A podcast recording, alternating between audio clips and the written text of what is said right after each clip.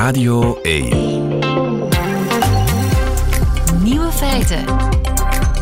Met Lieven van den Houten. Dag en welkom bij de podcast van Nieuwe Feiten van dinsdag 15 maart 2022. In het nieuws vandaag dat je in Rusland tegenwoordig tweedehands McDonald's hamburgers kunt kopen. Inderdaad, sinds vorige week kunnen de Russen niet meer gaan eten bij McDonald's, want de Amerikaanse hamburgerketen sloot meer dan 800 Russische restaurants. En blijkbaar valt het de Russen toch zwaar om McDonald's te missen. Op Avito, zowat de Russische tweedehands.be, kunt u sinds enkele dagen Big Macs, McMuffins en andere delicatessen kopen. Zo biedt een verkoper uit Moskou een Big Mac aan voor omgerekend 33 euro. Voor de sluiting van McDonald's in Rusland kon u diezelfde hamburger kopen voor 90 cent.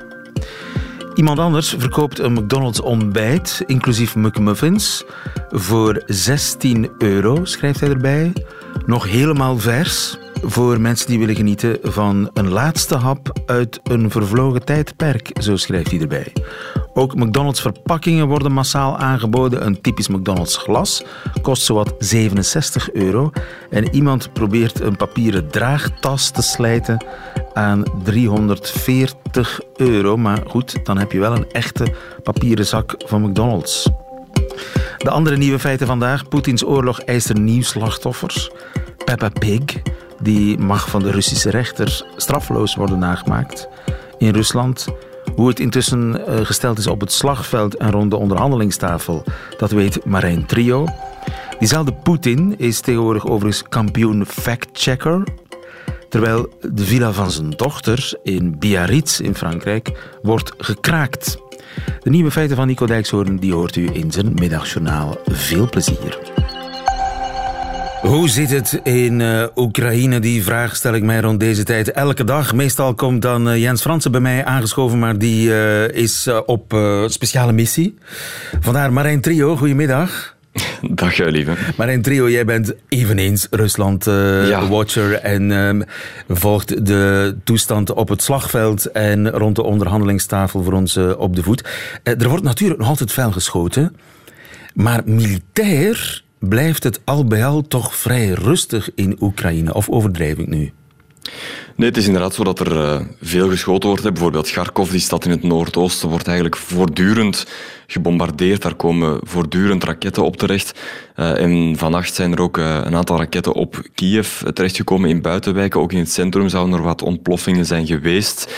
Maar uh, militair of strategisch zie je geen al te grote veranderingen. Grote invasies, uh, dat, dat hebben we nog niet gezien. Hoe zit dat met die strop rond Kiev? Is die nu al rond? Ja, het is inderdaad daar dat vooral naar wordt uitgekeken, of waar vooral naar gekeken wordt van zal Kiev nu worden omsingeld of ingenomen. Uh, daar was eind vorige week nog behoorlijk wat beweging rond. Toen, toen zag je dat dat grote konvooi dat al heel lang onderweg was, maar ook vooral al heel lang stilstond, dat wat opgesplitst was en zich in een, in een soort halve cirkel rond Kiev aan het positioneren was.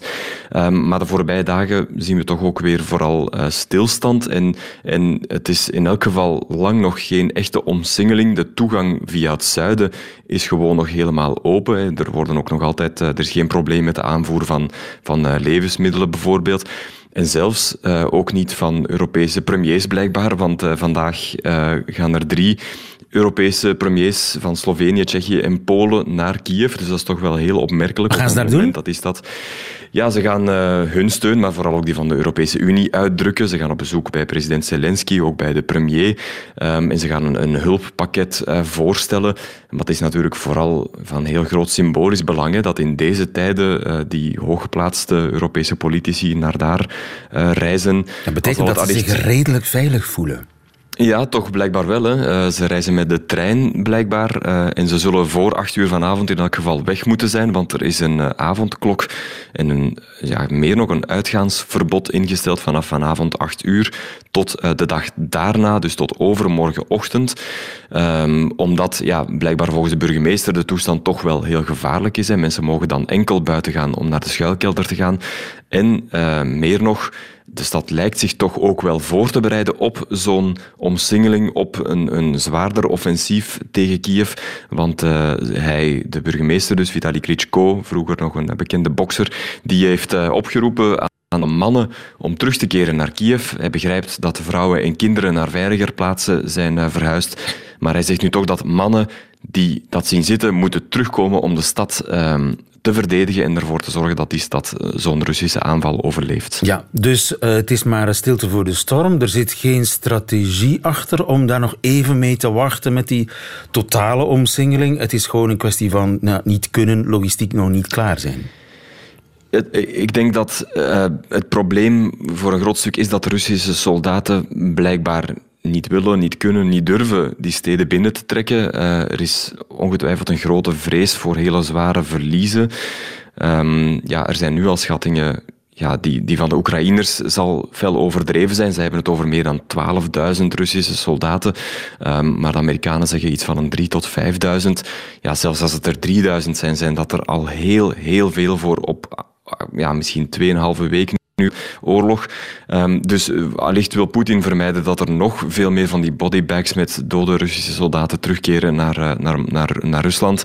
En um, wacht hij misschien, dat zou ook een teken aan de, aan de wand kunnen zijn. Hij, hij uh, heeft ja, ten eerste mogelijk China gevraagd om hulp, maar daarnaast ook vrijwilligers of huurlingen, zou je kunnen zeggen, uit het Midden-Oosten. Soldaten van Assad bijvoorbeeld, maar ook Tsjetsjenen, de, de, de privé milities van uh, Ramzan Kadyrov, de, de, de, de de auto, autocratische leider van Tsjetsjenië, die zelf zou zijn opgedoken, Poetin-vriend, uh, die al zijn geld ook krijgt van, uh, dankzij zijn vriendschap met Poetin natuurlijk, uh, maar daar met heel harde hand kan regeren. En die heeft zijn eigen milities, die zijn opgedoken in ja. Oekraïne. Kadyrov zelf zou daar zijn.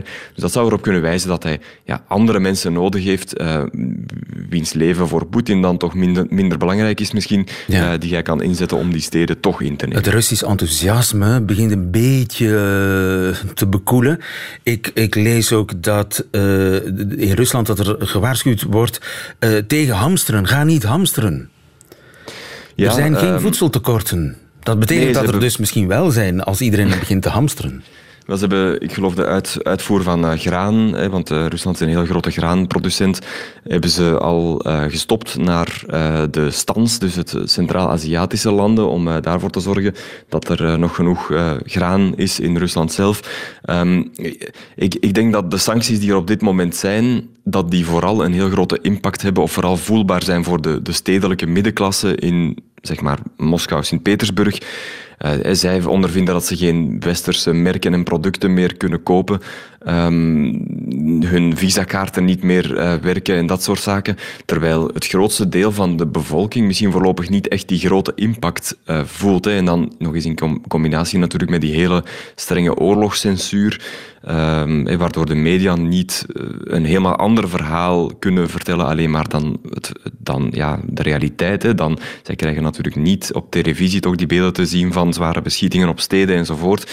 En een helemaal ander verhaal voorgeschoten. Dus ik denk dat, dat een groot deel van de bevolking nog altijd ja, niet al te veel, al te grote hinder ondervindt van wat er aan de gang is. Maar dat kan snel um, veranderen. Dat kan natuurlijk veranderen. Je hebt het ook gezien al met moeders uh, van, van, van soldaten. Ik denk dat dat het gevoeligste punt is. Hè. Moeders van soldaten die, uh, die, die zien dat hun kinderen naar de oorlog gestuurd zijn in plaats van naar een of andere training, uh, zoals ze dachten. en daar probeert Poetin nu toch een mouw aan te passen met die, met die andere buitenlandse strijders. Ja. Is hij stilaan rijp voor een akkoord? Of moet hij eerst nog een beetje verder schieten en die lus rond Kiev misschien rondmaken om dan ja, ja. sterker aan die onderhandelingstafel te zitten. Van wij, hebben, wij staan klaar voor een Grozny-scenario. Uh, ja, een Grozny-scenario dreigt al inderdaad in, in, in Mariupol dan voor een stuk. Uh, in Kharkov wordt ook heel zwaar geschoten. Zover zijn we gelukkig nog niet, een echt Grozny-scenario. Maar ik denk wel, om dan on, oneerbiedig te zeggen, dat Poetin een soort trofee nodig heeft, dat hij echt iets in handen moet hebben. Want dat heeft hij voorlopig nog niet echt. Hè. Um, je ziet in het zuiden wel die opmars die iets beter gaat dan in de rest van het land. Maar ook daar heeft hij maar één stad in handen, Gerson. Um, niet zo'n grote stad ook niet. En, en, en ja, de Oekraïense minister van Buitenlandse Zaken, Kuleba, die heeft gezegd dat uh, hij denkt dat Rusland daar een soort referendum zou willen organiseren, zoals, hij, zoals in, in 2014 op, uh, op, op de Krim, maar ook in Donetsk en Lugansk, om de onafhankelijkheid uit te roepen. Uh, dat zou mogelijk het grotere plan kunnen zijn ook voor de ruimere regio, maar dan moet hij natuurlijk ook bijvoorbeeld Mariupol, um, dat nu belegerd wordt, in handen krijgen, of Kharkov in het noordoosten. en dat zijn zaken zaken die, die voorlopig niet lukken. Dus ik denk dat het op dit moment dat, dat Rusland veel te weinig in handen heeft om al echt serieus te onderhandelen over een compromis. Dus ons wachten nog een paar donkere dagen, misschien zelfs weken. Denk ik wel, ja. Dat, ja, dat denk ik. Marijn Trio, dankjewel. Goedemiddag.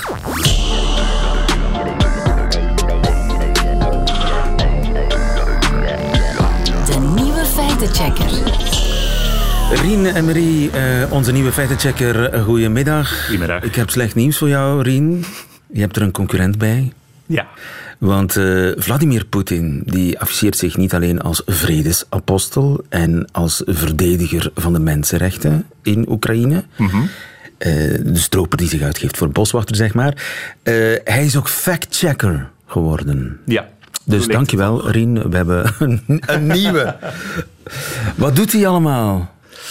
Wel, um, opeens, de dag van de inval in, in Oekraïne, verscheen er op Telegram, het chatkanaal, de geëncrypteerde chat-app, een nieuw kanaal. Dat heette War on Fakes. War on Fakes, ben ik voor. Fakes, ja.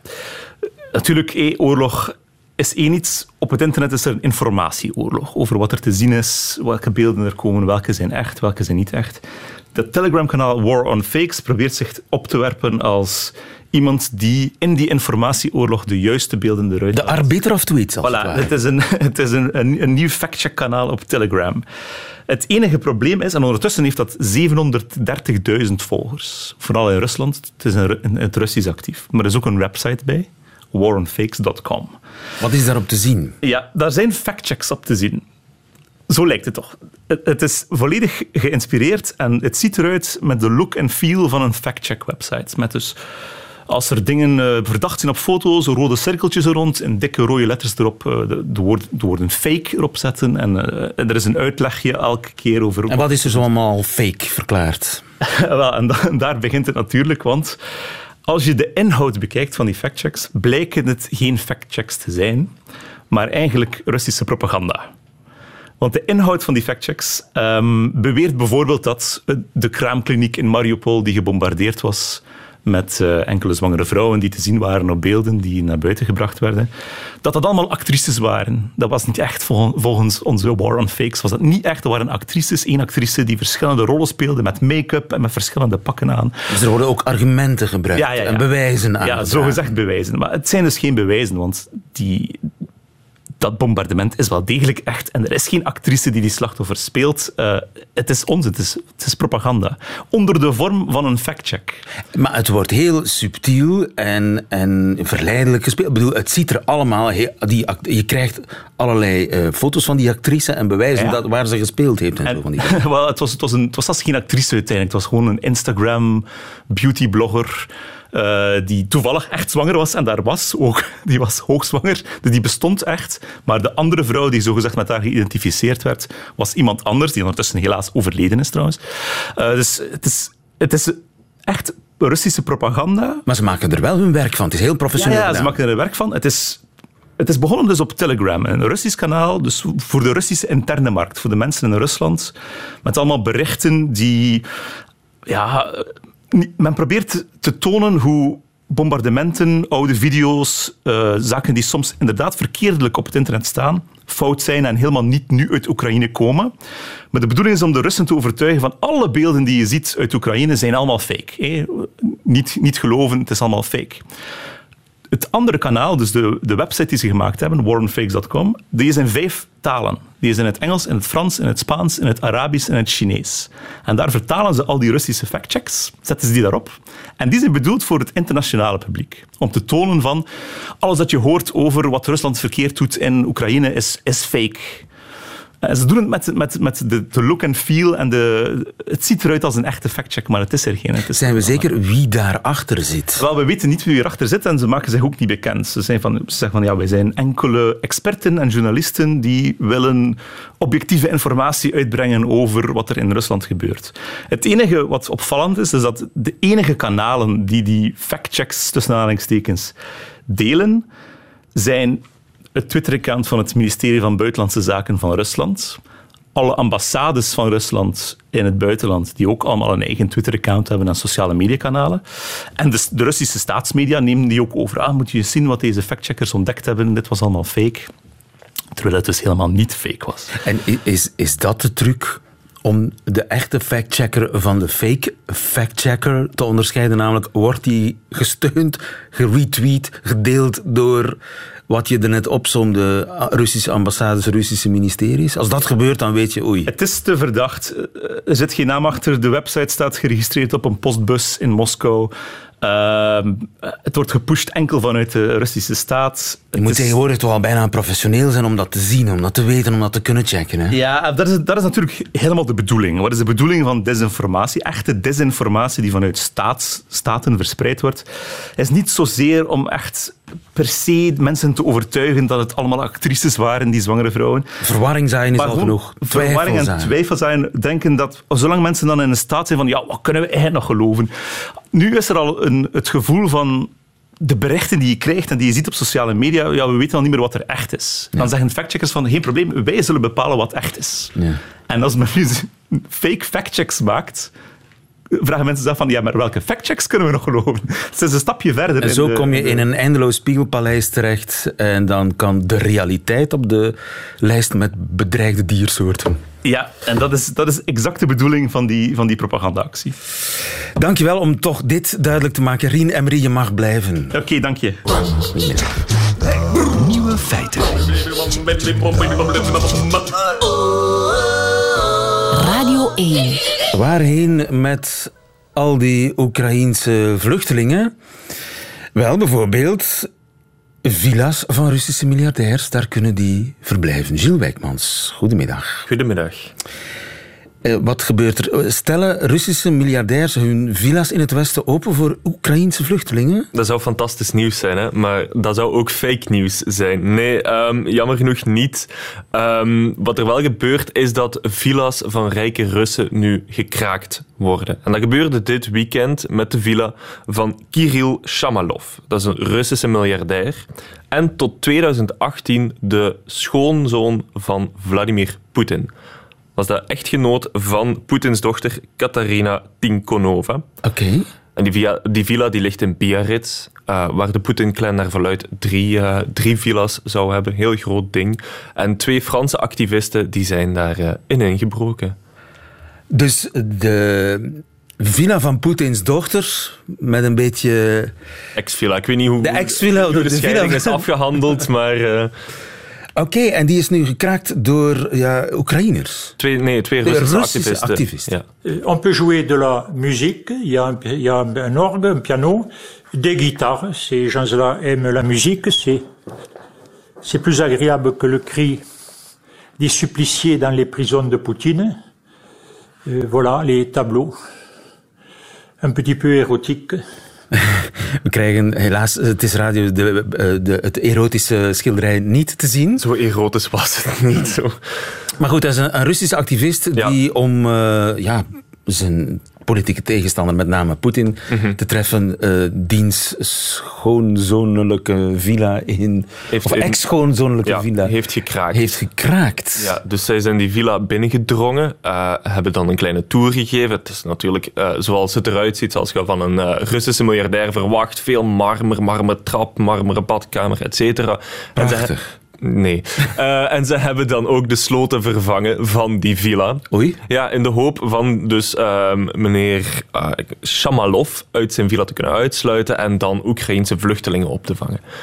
Alleen de Franse politie was het er niet mee eens. Zij zijn langsgekomen en hebben de twee Russische activisten gearresteerd. Ja, want we leven in een, wij leven wel nog in een rechtsstaat. Absoluut. Nu, in, dat is niet de enige villa die overvallen is, bezet is, gekraakt nee. is. Nee, in Londen ook dit weekend. Gisteren eigenlijk was er een uh, protest bij de villa van Oleg Deripaska, een Russische miljardair, alweer met banden, uh, nauwe banden met Poetin. Heeft zijn fortuin gemaakt in de aluminiumindustrie en is sinds 2018 staat hij eigenlijk op de, op de sanctielijst van de EU. Um, en daar zijn actievoerders eigenlijk op het balkon geklommen van die villa. Een heel grote villa, alweer zeven slaapkamers, Turk stoombad, home cinema, alles erop en eraan. Ze proberen er binnen te geraken, um, ook weer om die villa te kunnen kraken en open te stellen voor Oekraïnse vluchtelingen. Maar alweer kwam de politie ter plaatse en uh, werden die actievoerders gearresteerd Ja. voor huisvredebreuk. Het blijft illegaal natuurlijk. Het wat blijft ze doen. illegaal. Nu, eh, die jonge generatie protesteert op hun manier, maar ze kunnen dat ook op legale wijze doen. Ze kunnen dat op- inderdaad ook op legale wijze doen. Er is bijvoorbeeld een eh Pools platform dat nu eigenlijk, ja, hoe moet ik het zeggen, de waarheid probeert binnen te spammen in Rusland eigenlijk. Wat ze hebben gedaan is een heleboel telefoonnummers en e-mailadressen van Russen verzameld. Dus zeven, eh, nee, sorry, 20 miljoen telefoonnummers en 140 miljoen e-mailadressen van Russen verzameld op het internet. Gewoon openbare gegevens via Facebook of zo, of tweedehands sites. Ehm, en als je dan nu naar de site 1920.in gaat, dan kan je kiezen van eh, stuur een sms, een WhatsApp of een e-mail naar een gewone Rus. En dan kan je dus bijvoorbeeld een bericht van VRT Nieuws of van The Guardian of BBC News naar hun sturen en zeggen van ja, kijk, u Dus ik, staat... kan, ik kan dat ook doen. Iedereen kan dat doen. En dan, eh, dan kun je dus zeggen inderdaad van kijk, uw staatszender zegt een speciale militaire operatie. Wel, dit is wat er werkelijk, eh, wat er werkelijk gebeurt. Dus de, laten we zeggen, de hele wereld Mhm. kan de modale Rus Spammen met de het waarheid. echte nieuws... Ja. ja, bes, spam, ja, het is echt een omgekeerde wereld. Hè? Ja, inderdaad. de, de factchecker, we hoorden het net, eigenlijk de verspreider is van fake news. En spam de waarheid. Ja, inderdaad.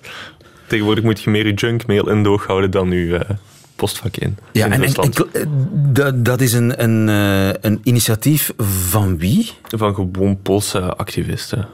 En er is ook Airbnb die wordt Ja, geïnstrumentaliseerd. Airbnb is ook ineens een solidariteitsplatform geworden. Ehm, heel veel mensen van over de hele wereld begonnen plotseling een Airbnb in Oekraïne te boeken. Niet omdat ze plotseling heel geïnteresseerd waren in een citytrip Kiev, maar omdat mensen met een Airbnb, een extra woning of een extra kamer dus, op dit moment die, ja, die faciliteiten gebruiken om vluchtelingen op te vangen, mensen die hun huis eventueel verloren zijn. En op die manier, door een kamer te boeken in Oekraïne op dit moment, steun je eigenlijk dan op die manier financieel. eh, ja, Een de- kamer die je niet gaat gebruiken. een kamer die je eigenlijk inderdaad niet gaat gebruiken. En Airbnb was natuurlijk zo vriendelijk om te zeggen dat ze servicekosten in Oekraïne even achterwege laten. En er dus zelf geen geld aan verdienen. Dus kortom, er zijn heel veel eh, dingen die gebeuren op het wereldwijde web. Eh, jonge mensen die alle trucken uit de Mhm. kast halen om eh, ja, dat grof geweld van Rusland te omzeilen. Ja, inderdaad. En ook een beetje om de waarheid tot bij de gewone Rus te brengen. Zoals er bijvoorbeeld ook een Oekraïnse chef woont en werkt in Kiev. Ehm, en die zijn vader woont in Rusland. Een chef-kok. Een chef-kok. Eh, en die, die bedacht zich ineens na vier dagen nadat de Russen waren binnengevallen van tja, ik heb nog geen telefoon gehad van mijn ouders met de vraag hoe gaat het met u? Vond hij op zich wel heel vreemd. Dus hij belt naar zijn vader en zegt van ja, hm, dit is er aan de hand. Waarom, waarom checkt je niet of, het, of alles oké is met mij? En dan bleek zijn vader compleet de Russische propaganda eh, te geloven. Wat natuurlijk verschrikkelijk is. Je zit in een oorlogssituatie en je familie gelooft u niet dat je in die situatie zit. Dus wat die man heeft gedaan is een heel nobel initiatief. heeft het platform Papa Believe opgericht. En dat is eigenlijk een platform waarbij mensen die in dezelfde situatie zitten, eh, een, moet ik het zeggen, een handleiding vinden om met hun familieleden, vrienden eh, te kunnen communiceren. Bijvoorbeeld, eh, wat, wat moet je zeggen als uw vader zegt, het is maar een speciale militaire operatie, of het is allemaal fake news. Is hij erin geslaagd om zijn vader inmiddels te overtuigen? Ik denk niet dat het zo snel gaat, maar het is wel een stap in de juiste richting. Dat zijn toch enige hoopgevende signalen en berichten. Dankjewel, Gilles Wijkmans. Amai, amai.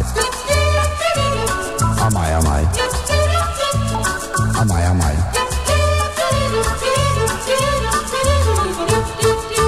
Nieuwe feiten. Poetins oorlog eist een nieuw slachtoffer, namelijk Peppa Pig. Daddy, Teddy Playgroup is coming to stay.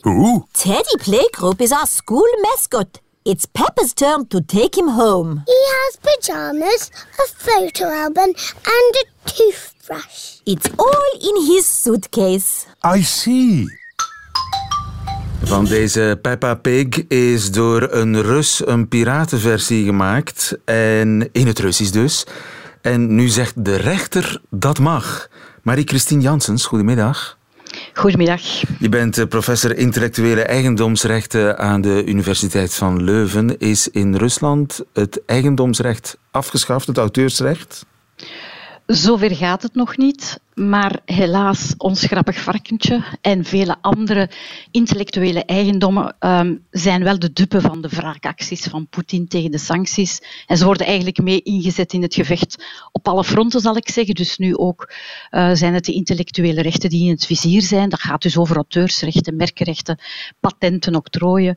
Um, men heeft die nog niet onteigend, maar wat er wel is gebeurd, is dat uh, Poetin een decreet op 6 maart heeft uh, afgekondigd, waarin gezegd wordt dat wel ja, een soort vrijgeleide um, in Rusland mogen al die intellectuele eigendommen gebruikt worden en daar zal geen schadevergoeding voor moeten betaald worden. Dus, dus geen onteigening, maar ja, wat, wat, komt eigenlijk, wat is nog het recht waard als je het niet kan afdwingen als er geen schadevergoeding moet betaald worden? Dus het auteursrecht geldt eigenlijk de facto niet voor auteurs uit wat heet onvriendelijke landen.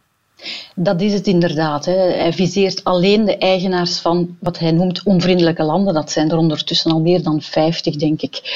Uh, maar vooral ook voor merken en octrooien, want daar hebben die uh, eigenaarsregistraties in Rusland. Een auteursrecht moet je niet registreren. Maar voor die registraties die kan je dus eigenlijk niet meer afdwingen. En dat is toch wel een probleem. Peppa Pig is ook een merk. Hè. Ja. Te vergeten, zoals McDonald's en Vuitton en al de andere. Maar dat betekent dat iedereen een McDonald's kan beginnen in Rusland. Dat klopt. Dus normaal, als we de situatie bij ons, uh, als die zich voordoet, dan moet je daar toestemming voor vragen. En als je die toestemming niet hebt, pleeg je inbreuk. En dan gaat de houder van het recht, die gaat dan naar de rechtbank en die, die, zegt dan, die vraagt dan, wil je dat doen stoppen en betaal mijn schadevergoeding. In Rusland is er nu dat decreet van 6 maart, dat zegt, um, wel, er wordt een schadevergoeding van 0% opgelegd in deze gevallen. Dus concreet, ja, begin maar een McDonald's in Rusland. Je moet het natuurlijk ook kunnen. Hè. Je moet ook de know-how hebben en de faciliteiten. Dus voor octrooien is dat misschien wat moeilijker, maar voor merken en auteursrechten helaas ja. kan dat ja, Iedereen kan een varkentje tekenen, iedereen kan een hamburger bakken. Hè. Nu, dat, er, er, is een ander besluit ook van het Russische parlement dat zegt dat multinationals die uit Rusland vertrekken, dat die genationaliseerd kunnen worden. Ja, weet u, als leider van een land kan je natuurlijk zelf beslissen wat de regels zijn die gelden. Men zou dat ook voor die merken hebben kunnen doen. Dat heeft men niet gedaan, onteigening. Maar ik sluit niet uit dat een, een land is soeverein. Men heeft akkoorden, internationale akkoorden, maar het is al duidelijk dat Rusland zich daar op dit moment niet aan houdt. Dus via het principe van volkssoevereiniteit gaan zij nu eigen regels opleggen. Dus dan kunnen zij zeggen, oké, IKEA, uh, jullie vertrekken uit Rusland, die fabrieken en die winkels, die zijn nu van ons. Dat kan Rusland zijn. Normaal in een rechtsstaat kan je dat enkel zeggen als er een, een, daar een rechtsgrond voor is, een artikel. Nu, wat ik wel vermoed, dat hebben we ook voor die octrooien en uitvindingen bijvoorbeeld gezien, er bestaan enkele artikelen in het Russisch recht, misschien ook in andere rechtssystemen, die zeggen op het moment van ultieme veiligheid, defensie, uh, gezondheid van het land, dat men speciale maatregelen kan nemen. Ja. Maar we moeten op zoek gaan naar een grondslag in het Russisch recht. En ik weet niet of en waar die zou bestaan. Ja, voor de nationale veiligheid mag alles hè? in Rusland tegenwoordig, denk ik. Dat is zo. Ja. Dus misschien moeten we niet zo ver gaan zoeken of we die bepaling gaan vinden. Als ze er niet is, zal ze wel gemaakt of ja. Maar dat, dat, dat, betekent dus, die twee uh, gecombineerd, dat een Russisch bedrijf met de gebouwen van IKEA IKEA kan spelen. In theorie. In theorie zou dat inderdaad kunnen. Dus over het onteigeningsprobleem ben ik niet zo gespecialiseerd, maar zeker voor die merken, ze kunnen IKEA gaan gebruiken, wezen het in hetzelfde gebouw. Ja. Als ze het kunnen bezetten, of in een ander gebouw. En, en je kunt het nog gekker bedenken, Lada kan een Toyota op de markt brengen. Als je wil, ja, maar één ding is wel belangrijk. Dan wel te verstaan die zal inderdaad, de know-how gaan ze niet altijd hebben. Um, en ook natuurlijk, dat is een territoriaal afgebakende zone. Ze gaan nooit kunnen uitvoeren. Ja, uiteraard. Want dan is er onmiddellijk een eh, probleem van inbreuk. Nu is dat voorlopig maar een dreigement. Hè. Het is echt aan die bedrijven die vertrekkers klaarstaan of die al vertrokken zijn. Van kom snel terug of vertrek niet. Of wij pakken nu alles af. Gaan ze dat ook echt doen, denk je? Ik dat denk dat het nationaliseren stap voor stap. Ja, stap voor stap. Hè.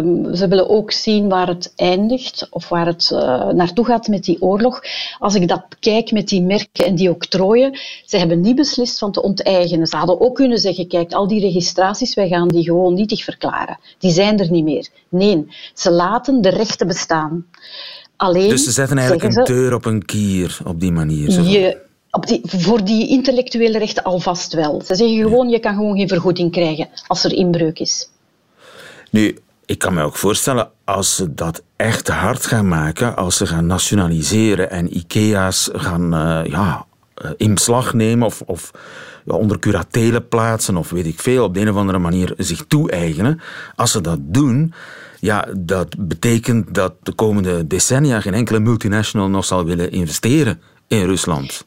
Denk ik. Dat is denk ik zeer zeker, hè, want dat is ook de reden waarom er intellectuele rechten zijn. Mensen laten investeren. En wie wil nog investeren als men recht krijgt dat hij niet kan uitoefenen? Dat is dus een zeer groot probleem. Een tweede probleem is natuurlijk dat Rusland zich volledig isoleert van, eh, van de wereldhandel. Hè. Ze zijn lid van de Wereldhandelsorganisatie. Dat heb je nodig als je goed wil kunnen competitief aan bod komen. Dus voor hun economie gaat het enorm schadelijk zijn dat ze die akkoorden eigenlijk van de Wereldhandelsorganisatie die naleven en dat ze dus ook die sancties eh, erbij krijgen. Ja, De, voor de economie is het een ramp, maar natuurlijk, enkele decennia geleden hadden we ook een grote nationalisatie eh, in het communistisch regime.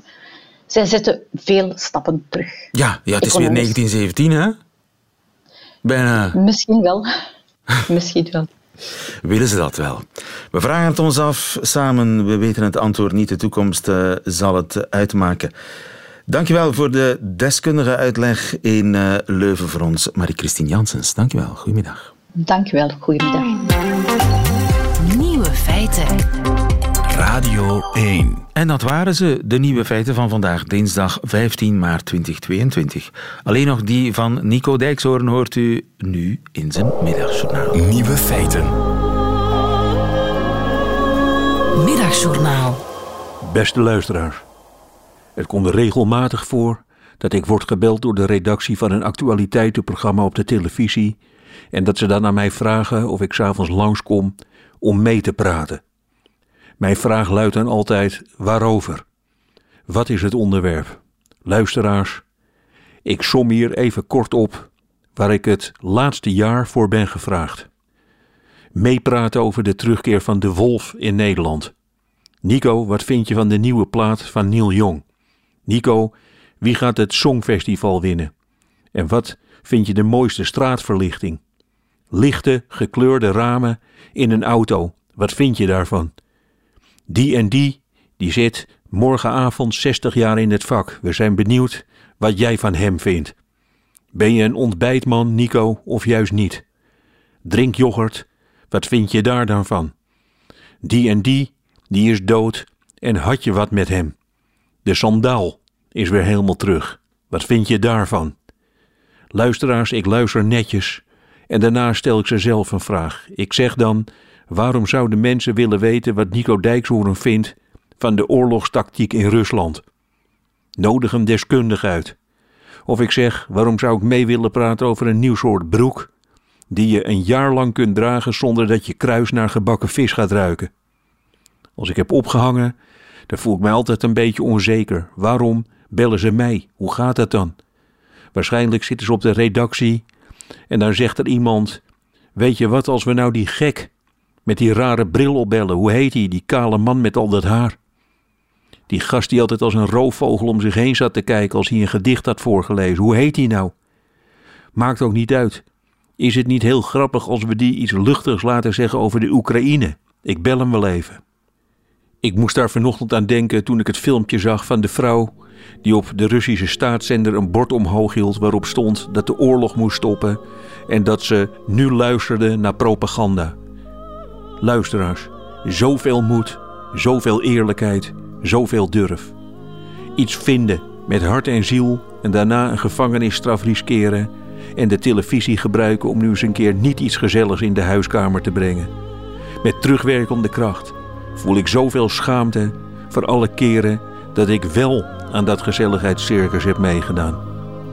Mijn nederige excuses, luisteraars en kijkers, voor al mijn gezelligheid in het verleden.